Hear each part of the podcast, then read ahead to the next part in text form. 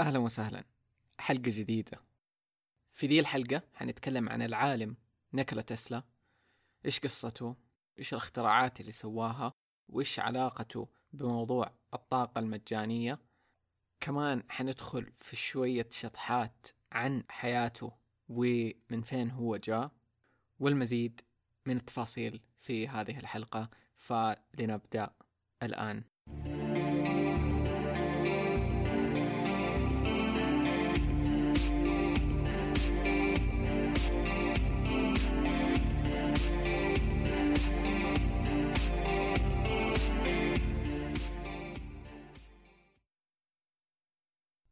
طيب خلينا نبدأ من البداية مرة. خليني أعطيك نبذة عن مين هو نيكولا تسلا.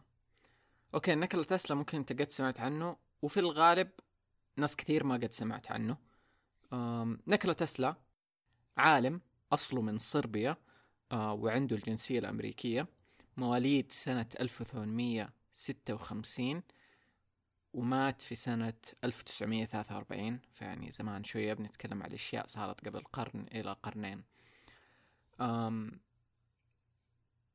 رغم هذه الأشياء دال آدم يعتبر أسطورة زمانه وأسطورة زماننا الحالي. نيكولا تسلا مخترع مهندس كهربائي مهندس ميكانيكي مشهور أكثر شيء بمساهماته في علم الكهرباء وتحديدا تصميمه للتيار المتردد يسموه AC هذا اللي إحنا نستخدمه اليوم عشان نحصل على الكهرباء آه، في البيوت وكل مكان تقريبا. فتسلا هو المؤسس للكهرباء بشكلها الحديث اللي اليوم نعرفه. خلينا نبدأ من بداية حياة تسلا آه، في طفولته تحديدا. نيكولا تسلا وهو طفل كان يقدر يتخيل ويشوف أشياء كتير ما هي موجودة قدامه. والأشياء دي اللي كان يشوفها كانت بالنسبة له غريبة وما هي مألوفة. بس بعدين بدأ يتعلم منها زيادة ويعرف إيش هي. فبسبب قدرته على التخيل والتصور العالية مرة صار يتخيل اختراعات والتقنيات اللي يطورها قبل لا يسويها كان يشوفها في خياله. وفي مراهقته تصاب بمرض الكوليرا. وقالوا إنه حيموت يعني وقتها ما كان في علاج لدي الأشياء وخلاص يعني قالوا إنه ولدكم حيموت. فتسلا في نفس هذاك الوقت قال لي أبوه إنه أنا بدخل أبدرس هندسة يعني في الجامعة ولو وعدتني بدا الشيء حتعافى. أبوه كان كان يبغى يصير راهب زيه في الكنيسة وكان مصر على ذا الشيء يعني ما ما كان عند تسلا الخيار إنه يدرس اللي يبغاه. فبالنسبة لأبوه في هذا الوقت خلاص وإن ولده حيموت كذا قال له أيوه طيب موافق. لو إنه تعافيت تدرس اللي تبغاه ومدري إيش. اللي صار إنه تسلا أتعافى آه بعد هذا الوعد من أبوه. و- وكان شوية غريب كيف إنه تعافى آه وكأنه كان تسلا فاهم. نيكولا تسلا كان عارف إنه لو أنا أبغى أتعافى حتعافى. فكان يحتاج كأنه زي ذات دافع. وفي في اقتباس بعدين لنكلة تسلا يعني في حياته بعد ما كبر قال شيء قال إنه مصدر معظم الأمراض في الروح وبالتالي تستطيع الروح علاج أغلب الأمراض. وهذا شيء من الأشياء اللي إحنا دائما نتكلم عنه إنه كيف لكل مرض تجسيد على المستوى الروحي. فتسلا كان مستوعب ده الشيء كأنه. طيب بعدها راح كمل تعليمه في النمسا. أم وفضل فترة بس بعدين حس إنه تكاليف التعليم مرة عالية وبتعب أهله والتعليم نفسه كان بيسبب له قيود كتير وما كان ماشي كويس. فقرر إنه يترك الدراسة واتجه مباشرة آه للشغل وراح يدور آه على مكان يشتغل فيه. في حياة نيكولا تسلا العملية وأول الأشياء اللي بدأ يشتغل فيها والوظائف اللي ياخذها لقي وظيفة تحديدا في باريس في واحدة من شركات مين؟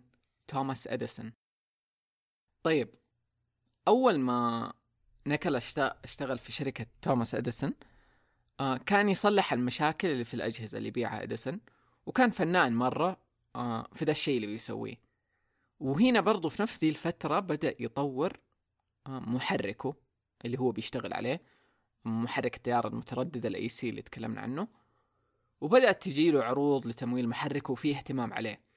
هنا مشرفه اللي في باريس انتبه على طول لذا الموضوع وأرسل نقل تسلا لأمريكا لإديسون تحديدا بنفسه في نيويورك لأنه الشركة كان لها مقرين في باريس وفي نيويورك فهو أرسله على طول لأديسون وقال له في آدمي آه مرة interesting أبغاك تشوفه.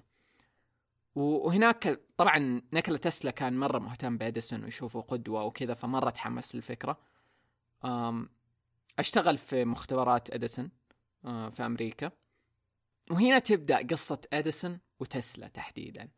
آه، وهي قصة مشهورة مرة. ويجي فيها لوم كبير على إديسون. إديسون إحنا دائما نعرف إنه أوه هو أبو الكهرباء واللي اخترع آه المصابيح اللي نعرفها وكل دي الأمور كذا. إديسون مرة رهيب. لما تيجي لقصة إديسون تسلا تكتشف أشياء مرة كتير عن إديسون. أول شيء إنه إديسون مو أول واحد آه يخترع المصباح. قبله كان في محاولات كثيرة وناس وصلوا للمصباح. الفرق إنه إديسون نجح بطريقته كيف يبيع ويسوق المصباح ويوفره للناس. لأنه المصباح بدون كهرباء ما له لازمة. إيش أسوي به؟ ما أقدر اشغله ما أقدر أسوي به أي شيء. فإديسون كانت مهمته إنه كيف يوصل الكهرباء للمدن والبيوت اللي بالتالي حتنور المصابيح حقته. وإديسون في في نظام الكهرباء اللي كان يبيعها كان يعتمد على شيء يسموه التيار المستمر DC وهو عكس التيار اللي تسلا كان يشتغل عليه ال AC حنتكلم يعني بشكل مختصر عن دول التيارين وإيش الفرق بينهم عشان تفهم القصة دي. طيب تيار ال DC هذا اللي اديسون يحبه التيار المستمر يسموه أو التيار المباشر يحتاج كذا مولد عشان ينقل الكهرباء لأماكن بعيدة ولي له مشاكل مرة كثيرة. وهنا بدأت تطلع مشاكل أديسون إنه هو يبي يوصل الكهرباء لأماكن كثير ولما يجي بينقلها لأماكن بعيدة لازم يكون عنده كذا مولد كل منطقة فيها مولد تاني آه وطلعت له مشاكل تانية كثير فهنا أديسون كان يبغى حل فحط تحدي آه وافق عليه تسلا إنه هو يبغى أحد يحل مشاكله اللي في التيار المستمر حقه وحيعطيه مقابله خمسين ألف دولار اللي هي تساوي أكثر من مليون دولار بقيمة اليوم يعني. فتسلا أخذ دي المهمة واشتغل عليها سنة كاملة عشان يلاقي حل آه، لمشكلة إديسون. وبعد ما لقي الحل وسلموا لإديسون وقال له أعطيني فلوسي. وهذه قصة مرة شهيرة إنه قال له إديسون أنت صدقت؟ شكلك إنه ما تعرف المزحة الأمريكية وأنا بس كنت بمزح معك. طبعا بعدها تسلا انصدم وطلع من شركة إديسون وبدأ يدور على المستثمرين تانيين يدعموا فكرته لأنه أصلا إديسون ما كان مقتنع بفكرة التيار المتردد حق تسلا.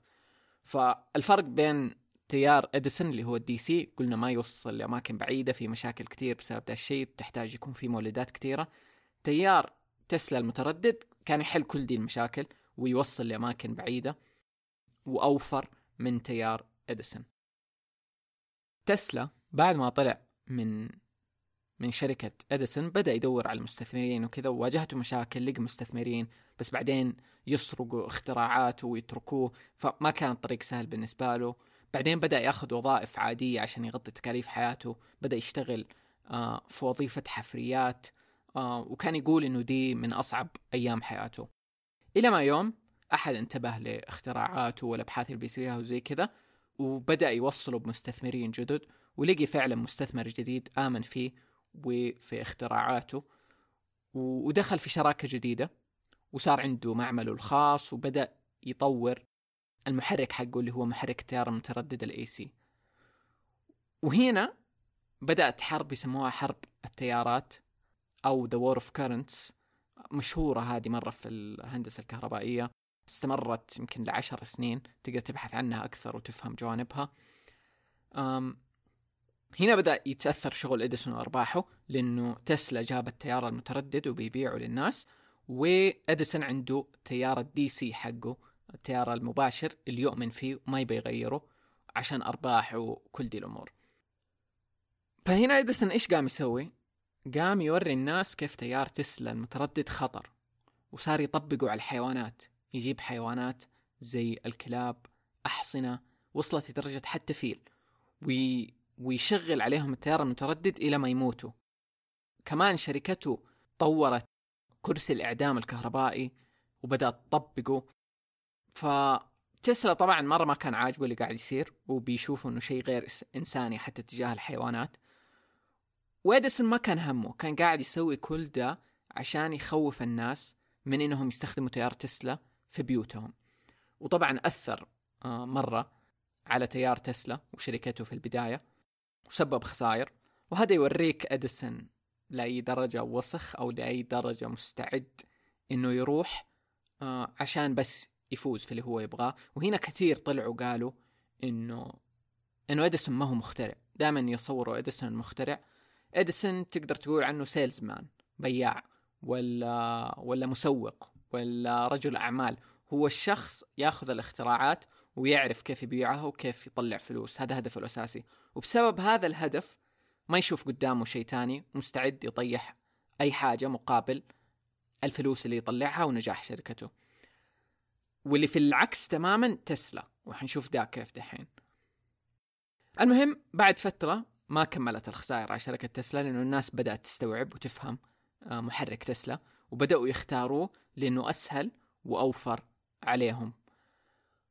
وهنا بدأ ينتشر التيار هذا اللي هو التيار المتردد ال AC current اللي هو اليوم موجود في بيتك. أنت شابك عليه أجهزتك بتشحن منه الجوال.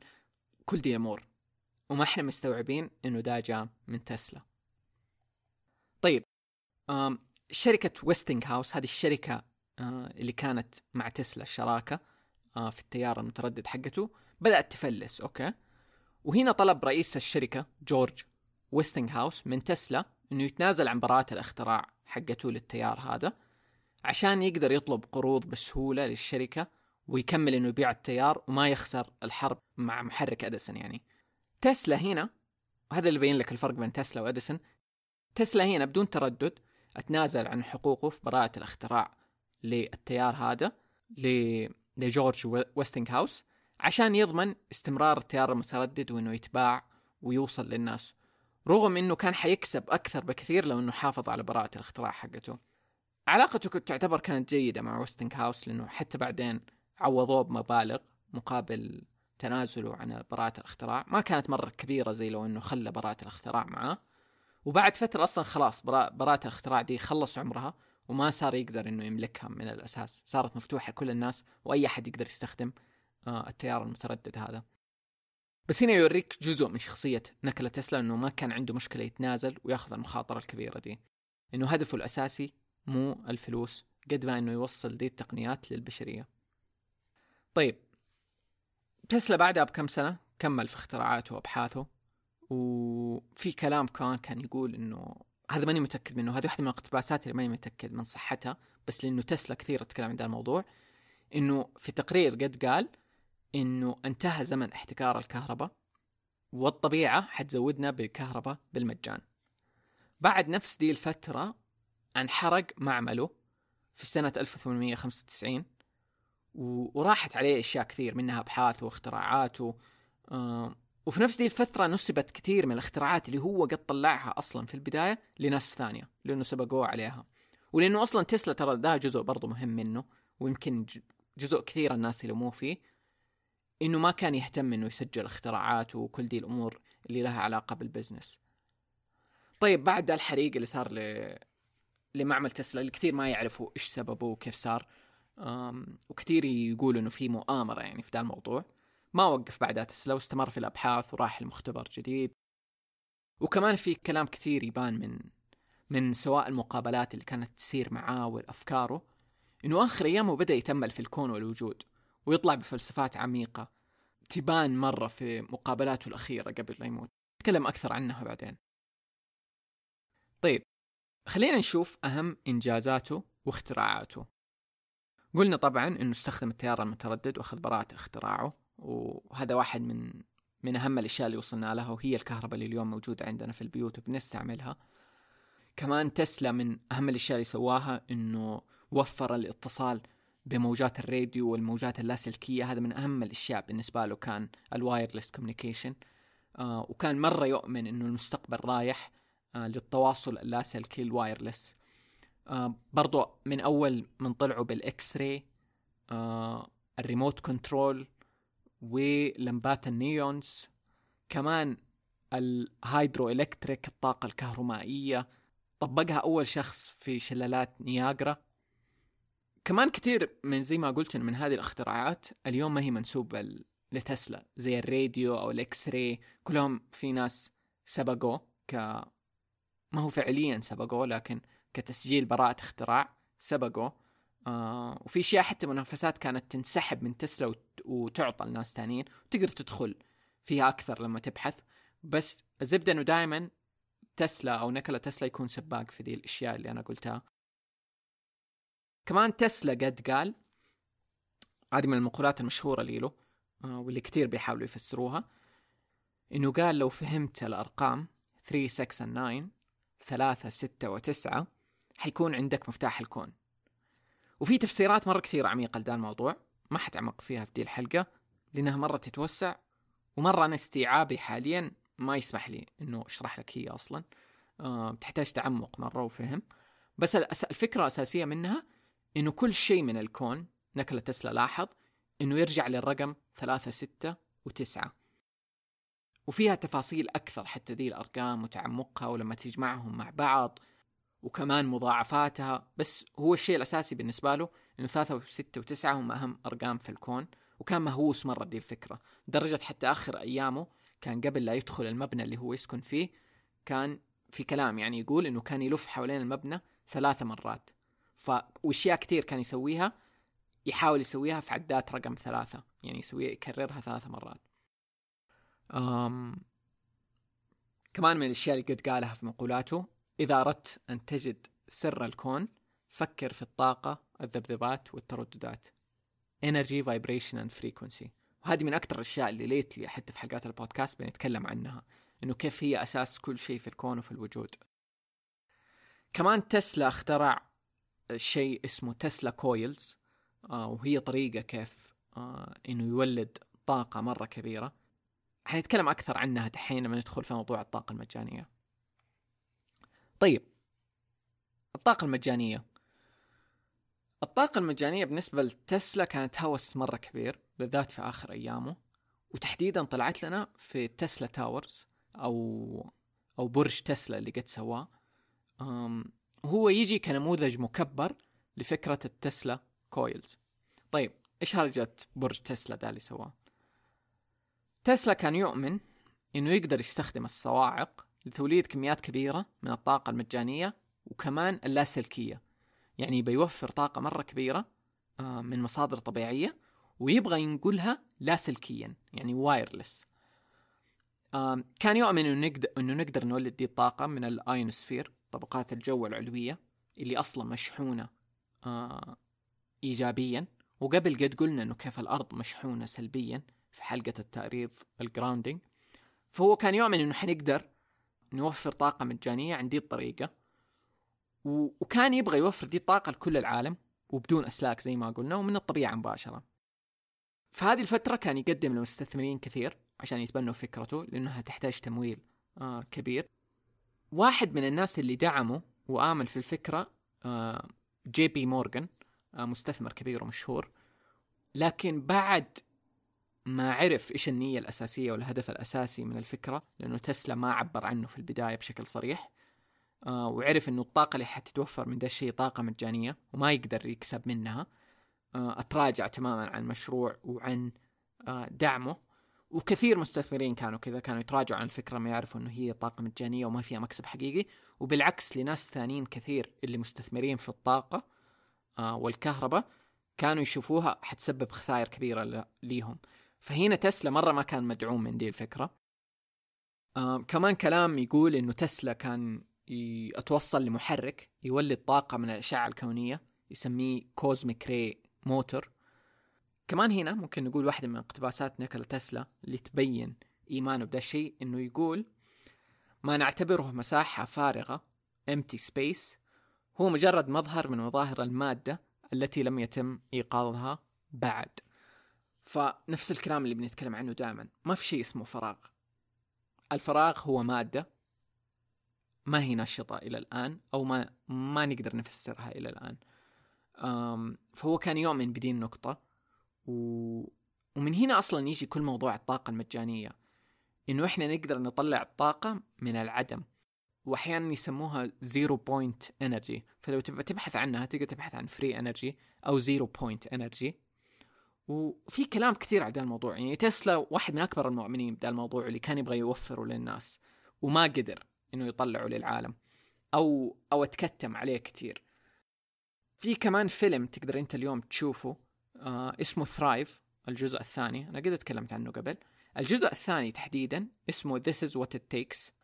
آه ححط رابط له في وصف الحلقة.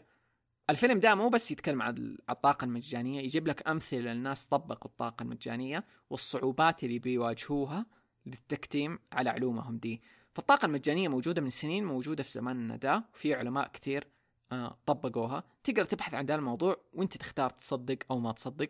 بس أنا بقول لك إنه ده الشيء موجود اليوم وفي ناس كثير يقولوا انه وصلوا للمحركات دي اللي تشتغل على طاقة zero point energy طاقة لا نهائية تجي من الكون ومجانية في نفس الوقت. كمان تسلا كان يشوف الأهرامات ويعتبر أنه ليها استخدامات مهمة. by the way لما أقول تسلا ناس كثير ممكن تلخبط بين نيكولا تسلا وتسلا السيارة اللي موجودة اليوم اللي هي آه، كهربائية بالكامل واللي صاحبها إيلون ماسك. هم الاثنين ما لهم علاقة بنيكولا تسلا بس في في واحدة من المقابلات قد قال إيلون ماسك إنه هو سمى السيارة تسلا بناء على نيكولا تسلا كتقدير له لأنه أصلا في محرك السيارة بيستخدم ال AC motor اللي هو التيار المتردد اللي تسلا اخترعه. وكان يقول كيف إنه ذا الشخص ما أخذ الاهتمام الكافي وهذا تقدير بسيط ليلو إنه سمينا السيارة على اسمه تسلا. بس يعني هذه عشان نوضح ذا الموضوع طيب تسلا كان يشوف الأهرامات إنه ليها سبب آه مهم. و...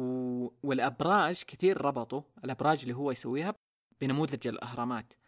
لأنه قد سجلت حلقة عن سلسلة اسمها سلسلة أهرامات تقدر ترجع لها. اتكلمت في ذا الموضوع.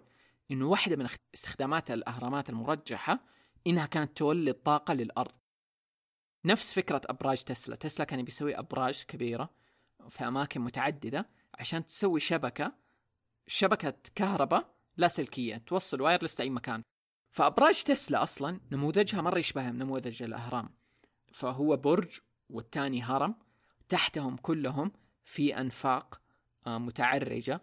آه، الأنفاق دي تدخل ضوء من الشمس وتحت دي الأنفاق في مجرى للمياه. ففكرة برج تسلا كان نفس الشيء كان تحتها في مياه وكان في الأنفاق دي اللي تدخل ضوء من الشمس. فالنموذج اللي هو كان بيبنيه مرة يشبه فكرة الأهرامات. وعشان كذا مرجح إنه الأهرامات كانت مراكز أو مولدات طاقة للكوكب مولدات طاقة مجانية كمان. تقدر تستعمق أكثر عن ذا الموضوع في سلسلة الأهرامات والنظريات المختلفة عنه. طيب كمان يعني مو بس كذا تسلا كان عنده أشياء حتى في موضوع الطقس كان عنده تجارب وإيمان إنه عندنا قدره ان نؤثر على السماء والغلاف الجوي للتحكم بالطقس. آه ده الشيء يمكن اليوم يعرف بواحدة من النظريات المشهورة نظريات هارب أو جهاز هارب اللي يتحكم بالطقس. تسلا ما نشر هذه الأبحاث اللي هو اشتغل عليها. تسلا مرة كان عنده أشياء كثير كان عنده خوف من الحروب أو اهتمام إنه ينهي الحروب تماما. وكان يؤمن إنه لو كلنا كل الدول في العالم كان عندها نفس الكفاءة في الهجوم والدفاع عن نفسها حتنتهي الحروب. وكان هذا الموضوع شاغله موضوع الإنسانية آه والبشرية فين رايحة والحروب. وكان نفسه إنه يكون عنده بصمة لإنهاء الحروب على كوكب الأرض. هذه من الأشياء برضو اللي تبين لك جوانب عن شخصيته. طيب موت تسلا. تسلا مات وهو ساكن في فندق آخر أيامه. كان وحيد وفقير ما قدر يتزوج في حياته وعنده آراء برضو على ذا الموضوع. وكان فقير مرة يدوب يعني يعيش يومه. آه لقيوه ميت في غرفته. وأعلنوا إنه مات بسكتة قلبية. في ناس تقول لا إنه هو اختفى أو غيره أو أو إنه قتل أو كل دي الأمور. بعد موته تم مصادرة جميع اختراعاته وأبحاثه والوثائق الخاصة فيه من الحكومة الأمريكية. وأغلبها ما ما أفصح عنها إلى اليوم. ما عدا بعض مذكراته الشخصية تم الإفصاح عنها بس اختراعاته ما طلعت ومذكراته في دي الأمور. ناس كثير اليوم بتحاول تخفيه من التاريخ تحديدا ان تتعارض مصالحهم مع اختراعاته وعلومه اللي كان بيوصل لها.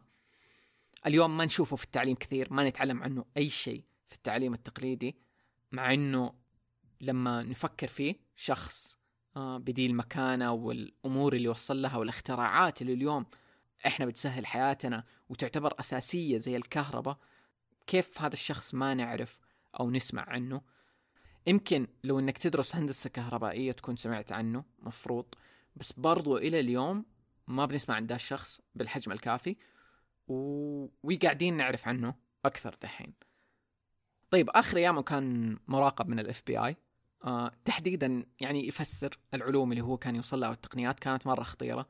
آه تحديدا التقنيات اللي قلنا عليها زي الجو وكمان كان في كلام كتير إنه هو وصل لتقنية ليزر بيم كذا إنه كان يضرب ليزر ويقدر يفتفت أي شيء آه قدامه. فكانت تقنيه مرة خطيرة و... وخلت الحكومة مهتمة فيه أكثر. تسلا ابدا ما يخ... ما يعتبر شخص عادي في زمانه ولا حتى يمكن في زماننا اليوم. في كلام إنه كمان آخر فترات حياته كان متواصل مع الحكومة السوفيتية قبل لا يموت. ده برضه خلاه محل اهتمام. للحكومة الأمريكية. فيعني تقدر تتخيل قديش هو كان شخص حساس مرة آه بالنسبة للحكومات ولل... وللأمن كمان. بس في نفس الوقت هو ابدا ما كان مهتم بمساهمات في آه الجانب العسكري غير إنه تكون لكل الكوكب. يعني كان قلت لك كان يؤمن بفكرة إنه يوفر التقنيات دي لكل الكوكب عشان ينهي الحرب على ذا الأساس. دي كانت فكرته. طيب خلينا نشوف بعض تنبؤات نكلة تسلا لزماننا. في مقابلة ليلو في سنة 1926 أتنبأ آه، كيف حيكون القرن الجاي بعد مئة سنة؟ يعني تحديدا بيتنبأ 2026 من الأشياء اللي قالها أنه العلم حيطور تقنيات زي الطائرات السريعة اللي بدون بدون وقود لأنه زي ما قلت لكم كان يؤمن أنه هو وقت ما قال دي التنبؤات كان دوب بداية الطيران يمكن البدائي. وكان يؤمن إنه بعدين حيصير كل شيء wireless كهرباء wireless فالطيارات وهي تطير في السماء حتاخذ الكهرباء مثلا من أبراج ال wireless دي أو من ال... أو من الطاقة المجانية دي وما حتحتاج وقود وبالتالي حتكون أسرع بكثير. كمان كان يؤمن إنه حيصير في آه تواصل لاسلكي زي الهواتف النقالة آه وغيره. فتوقع الواي فاي اللي اليوم موجود في زمننا وكان من أول الناس اللي بادر يمكن في ذا الشيء. لأنه حتى برجه اللي كان يؤمن فيه اللي يوفر كهرباء لاسلكيه كان هدفه كمان إنه مع الكهرباء اللاسلكيه يوفر التواصل لاسلكي حوالين الكوكب. فهو كان مؤمن في دي التقنية وعارف إنها حتيجي. أتوقع كمان إنه حيجي عصر المرأة فيه حتزدهر وحتتفوق. وتحديدا هو عصرنا ده اللي حتى سميناه كيف عصر الدلو دائما يقول لك إنه دحين بدأ عصر المرأة أو the feminine energy تقدر تعرف عن ده أكثر في حلقة عصر الدلو اللي تكلمنا عنها قبل؟ إيش علاقة ده الموضوع؟ وتبحث عنه أكثر برضو. آم كمان أتوقع إنه الحروب حتوقف أو تصير مرة نادرة وقليلة ويطمح لدا الشيء. زي ما قلنا قبل. طيب أشياء ثانية شاطحة لها علاقة بتسلا إنه كان عنده نموذج لأطباق طائرة أو أو مركبات طائرة مرة تشبه اليوفو اليوم. آه ما تم تطويرها يعني بس عنده النماذج ليها وأخذ فيها أعتقد براءة اختراع. في كلام كثير إنه النازيين بعدها أخذوها من تسلا وطوروا ليهم هم نماذجهم في الأطباق الطائرة. كمان في تجربة للسفر عبر الزمن اسمها تجربة فيلادلفيا. تقدر تبحث عنه أكثر؟ ما حيتكلم عنه في دي الحلقة بس ممكن في يوم بسجل له حلقة لحاله يعني يحتاج حلقة كاملة لحاله. آه فيلادلفيا experiment دي طيب آخر شيء واحدة من النظريات الشاطحة عن تسلا. في وثيقة من ال FBI في عام 2011 طلعت مجموعة من الوثائق اللي تم رفع السرية عنها آه، من ال FBI وتحديدا واحدة منها كانت تقرير كتبه agent آه يعني وكيل من من ال FBI في سنة 1947 في مجموعة الوثائق هذه كانوا يتكلموا عن الفضائيين والمركبات الفضائية و... وكمان الناس اللي بتتواصل مع كائنات من خارج الكوكب. وفي واحدة من الوثائق دي في نص كامل مقتبس من كتاب أوكي؟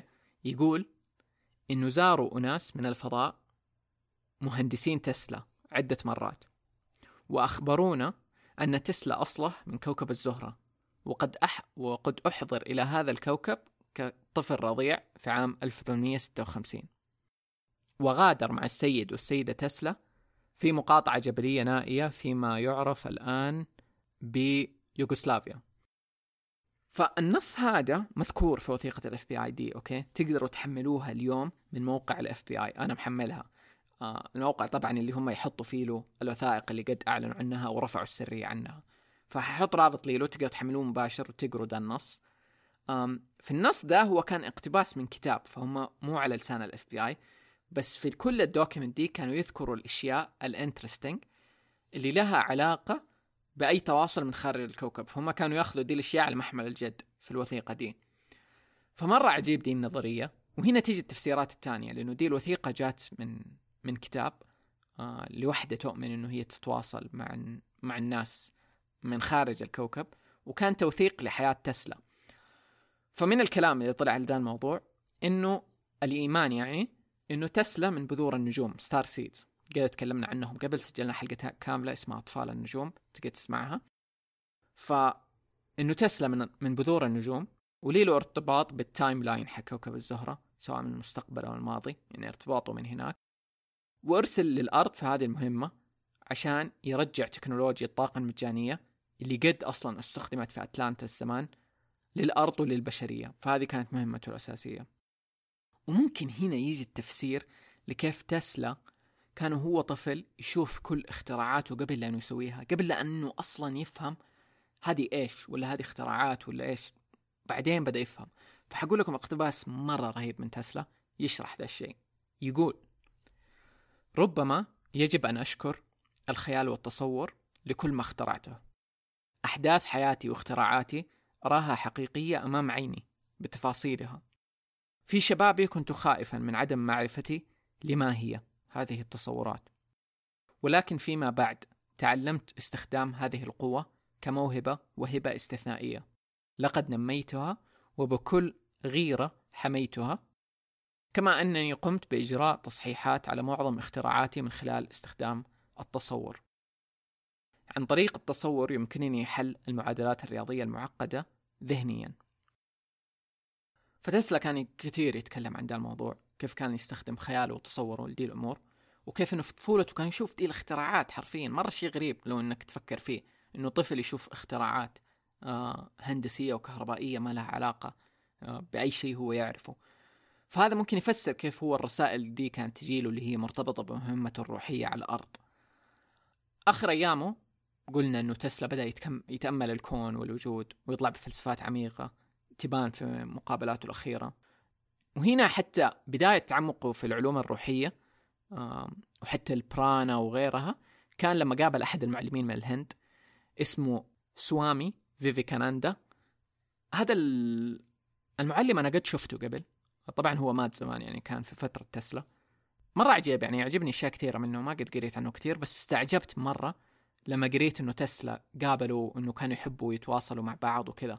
فكأنه هذا المعلم الروحي ساعد تسلا يشبك كثير من الأشياء العلمية اللي هو بالنسبة له آه، بالأمور الروحية ويشوف الرابط بينها. وكمان كان قاعد يساعد المعلم آه، الهندي هذا سوامي إنه يشوف الأمور بالطريقة العلمية من موضوع الطاقة والوجود والبرانا وكل دي الأمور. فآخر حياته مرة دخل الجانب الروحي ده فيه كمان من الأشياء العجيبة لي له كان قاعد يقول يحكي كيف إنه عرف عن موت والدته. وهو مو في نفس المكان. في الاقتباس إيش يقول؟ كنت في باريس عندما رأيت موت والدتي. في السماء المليئة بالأنوار والموسيقى كانت تطفو مخلوقات رائعة. إحداها كانت لها شخصية أم. كانت تنظر إلي بحب لا نهائي. وعندما تلاشت تلك الرؤية عرفت أن والدتي قد ماتت. مرة عجيب. ده الشيء إنه يجي من نكلة تسلا ومن عالم آه يتكلم عن أمور عجيبة زي كذا. وهذه يفسر لك برضو أشياء كثير عن تسلا وإيماناته. عنده اقتباس ثاني يقول فيه له اليوم الذي يبدأ فيه العلم بدراسة الظواهر الغير مادية سيحقق من التقدم في عقد واحد أكثر من كل القرون التي مضت منذ وجوده. فهنا برضو كان يبين جانب إيمانه بال... بالأشياء الغير مادية وأهميتها وأهمية دراستها. يحمس صراحة مرة لأنه هذا اللي نتكلم عنه دائما أهمية جمع آه الأشياء الروحية بالأشياء العلمية وأنه الاثنين يكملوا بعض مو منفصلين عن بعض. زي ما نقول Spirit Science واحدة من قنوات اليوتيوب اللي مرة أحبها واللي تتكلم عن ذا الموضوع دائما طيب هذا بالنسبة لتسلا دحين. حسيت بسجل حلقة تضم أهم الأشياء عنه. أول شيء كتقدير لي له وكحب لذا الآدمي اللي أنا مرة يعجبني وكنت بعرف عنه زيادة كمان وبحث عنه زيادة. ذي الحلقة يمكن أخذتني مجهود حلقتين عن العادة لكني مبسوط مرة بيها. طبعا اكتشفت إنه تسلا يمديك تتعمق فيه له أكثر وأكثر وأكثر. مرة في جوانب كثيرة بس دي حخليها ليكم ان أنتم تبحثوا وتشوفوا. أم يحزن لما تسمع قصة تسلا وكيف إنه انظلم كثير. ويمكن ما كان هو يهتم مرة بس حتى نهايته وكل شيء يحزن. بس برضو لسه ما يعني زي ما تسلا جاء ويمكن جاب مهمة آه إنه يستعد دي الأشياء على الأرض. أنا اؤمن إنه كل جيل وكل زمان في ناس حيجوا بنفس دي العلوم وحيكملوا على مهمة تسلا. وزي ما قلنا أصلا اليوم موجودة في ناس يؤمنوا بدي الأشياء وفي ناس قاعدين يخترعوا ليها. وحتبدأ تظهر في ذا العصر. هذا بالنسبة لدي الحلقة. بحط روابط كثيرة شوية دي المرة. لفيديوهات في اليوتيوب تتكلم عن تسلا سواء بالعربي أو بالإنجليزي أكثر المحتوى إنجليزي. بس حتى لو تبحث عن نكلة تسلا بالعربي في يوتيوب أو غيره حتلاقي ترى ناس كثير يتكلموا عنه. آه وتحمس قصته لو إنها تشدك. ححط برضو مقالات آه حلوة عند الموضوع. وكمان زي ما قلت لكم رابط آه ال document حقت ال FBI اللي بيشوفها. ف check وا روابط في الحلقة لو تبغوا تتعمقوا أكثر عن هذا الموضوع. وتقدروا تقيموا البودكاست على منصة أبل بودكاست أو تدعموا البودكاست بأي طريقة عن طريق أنه تشاركوه مع ناس ثانية ممكن يهمهم. وبس والله أتمنى أن الحلقة عجبتكم. ولو كنت أنت توماس إديسون أو واحد من عائلته الكريمة أعتذر عن أي إهانات مباشرة أو غير مباشرة لشخصكم الكريم. ونراكم في الحلقات القادمة. مع السلامة.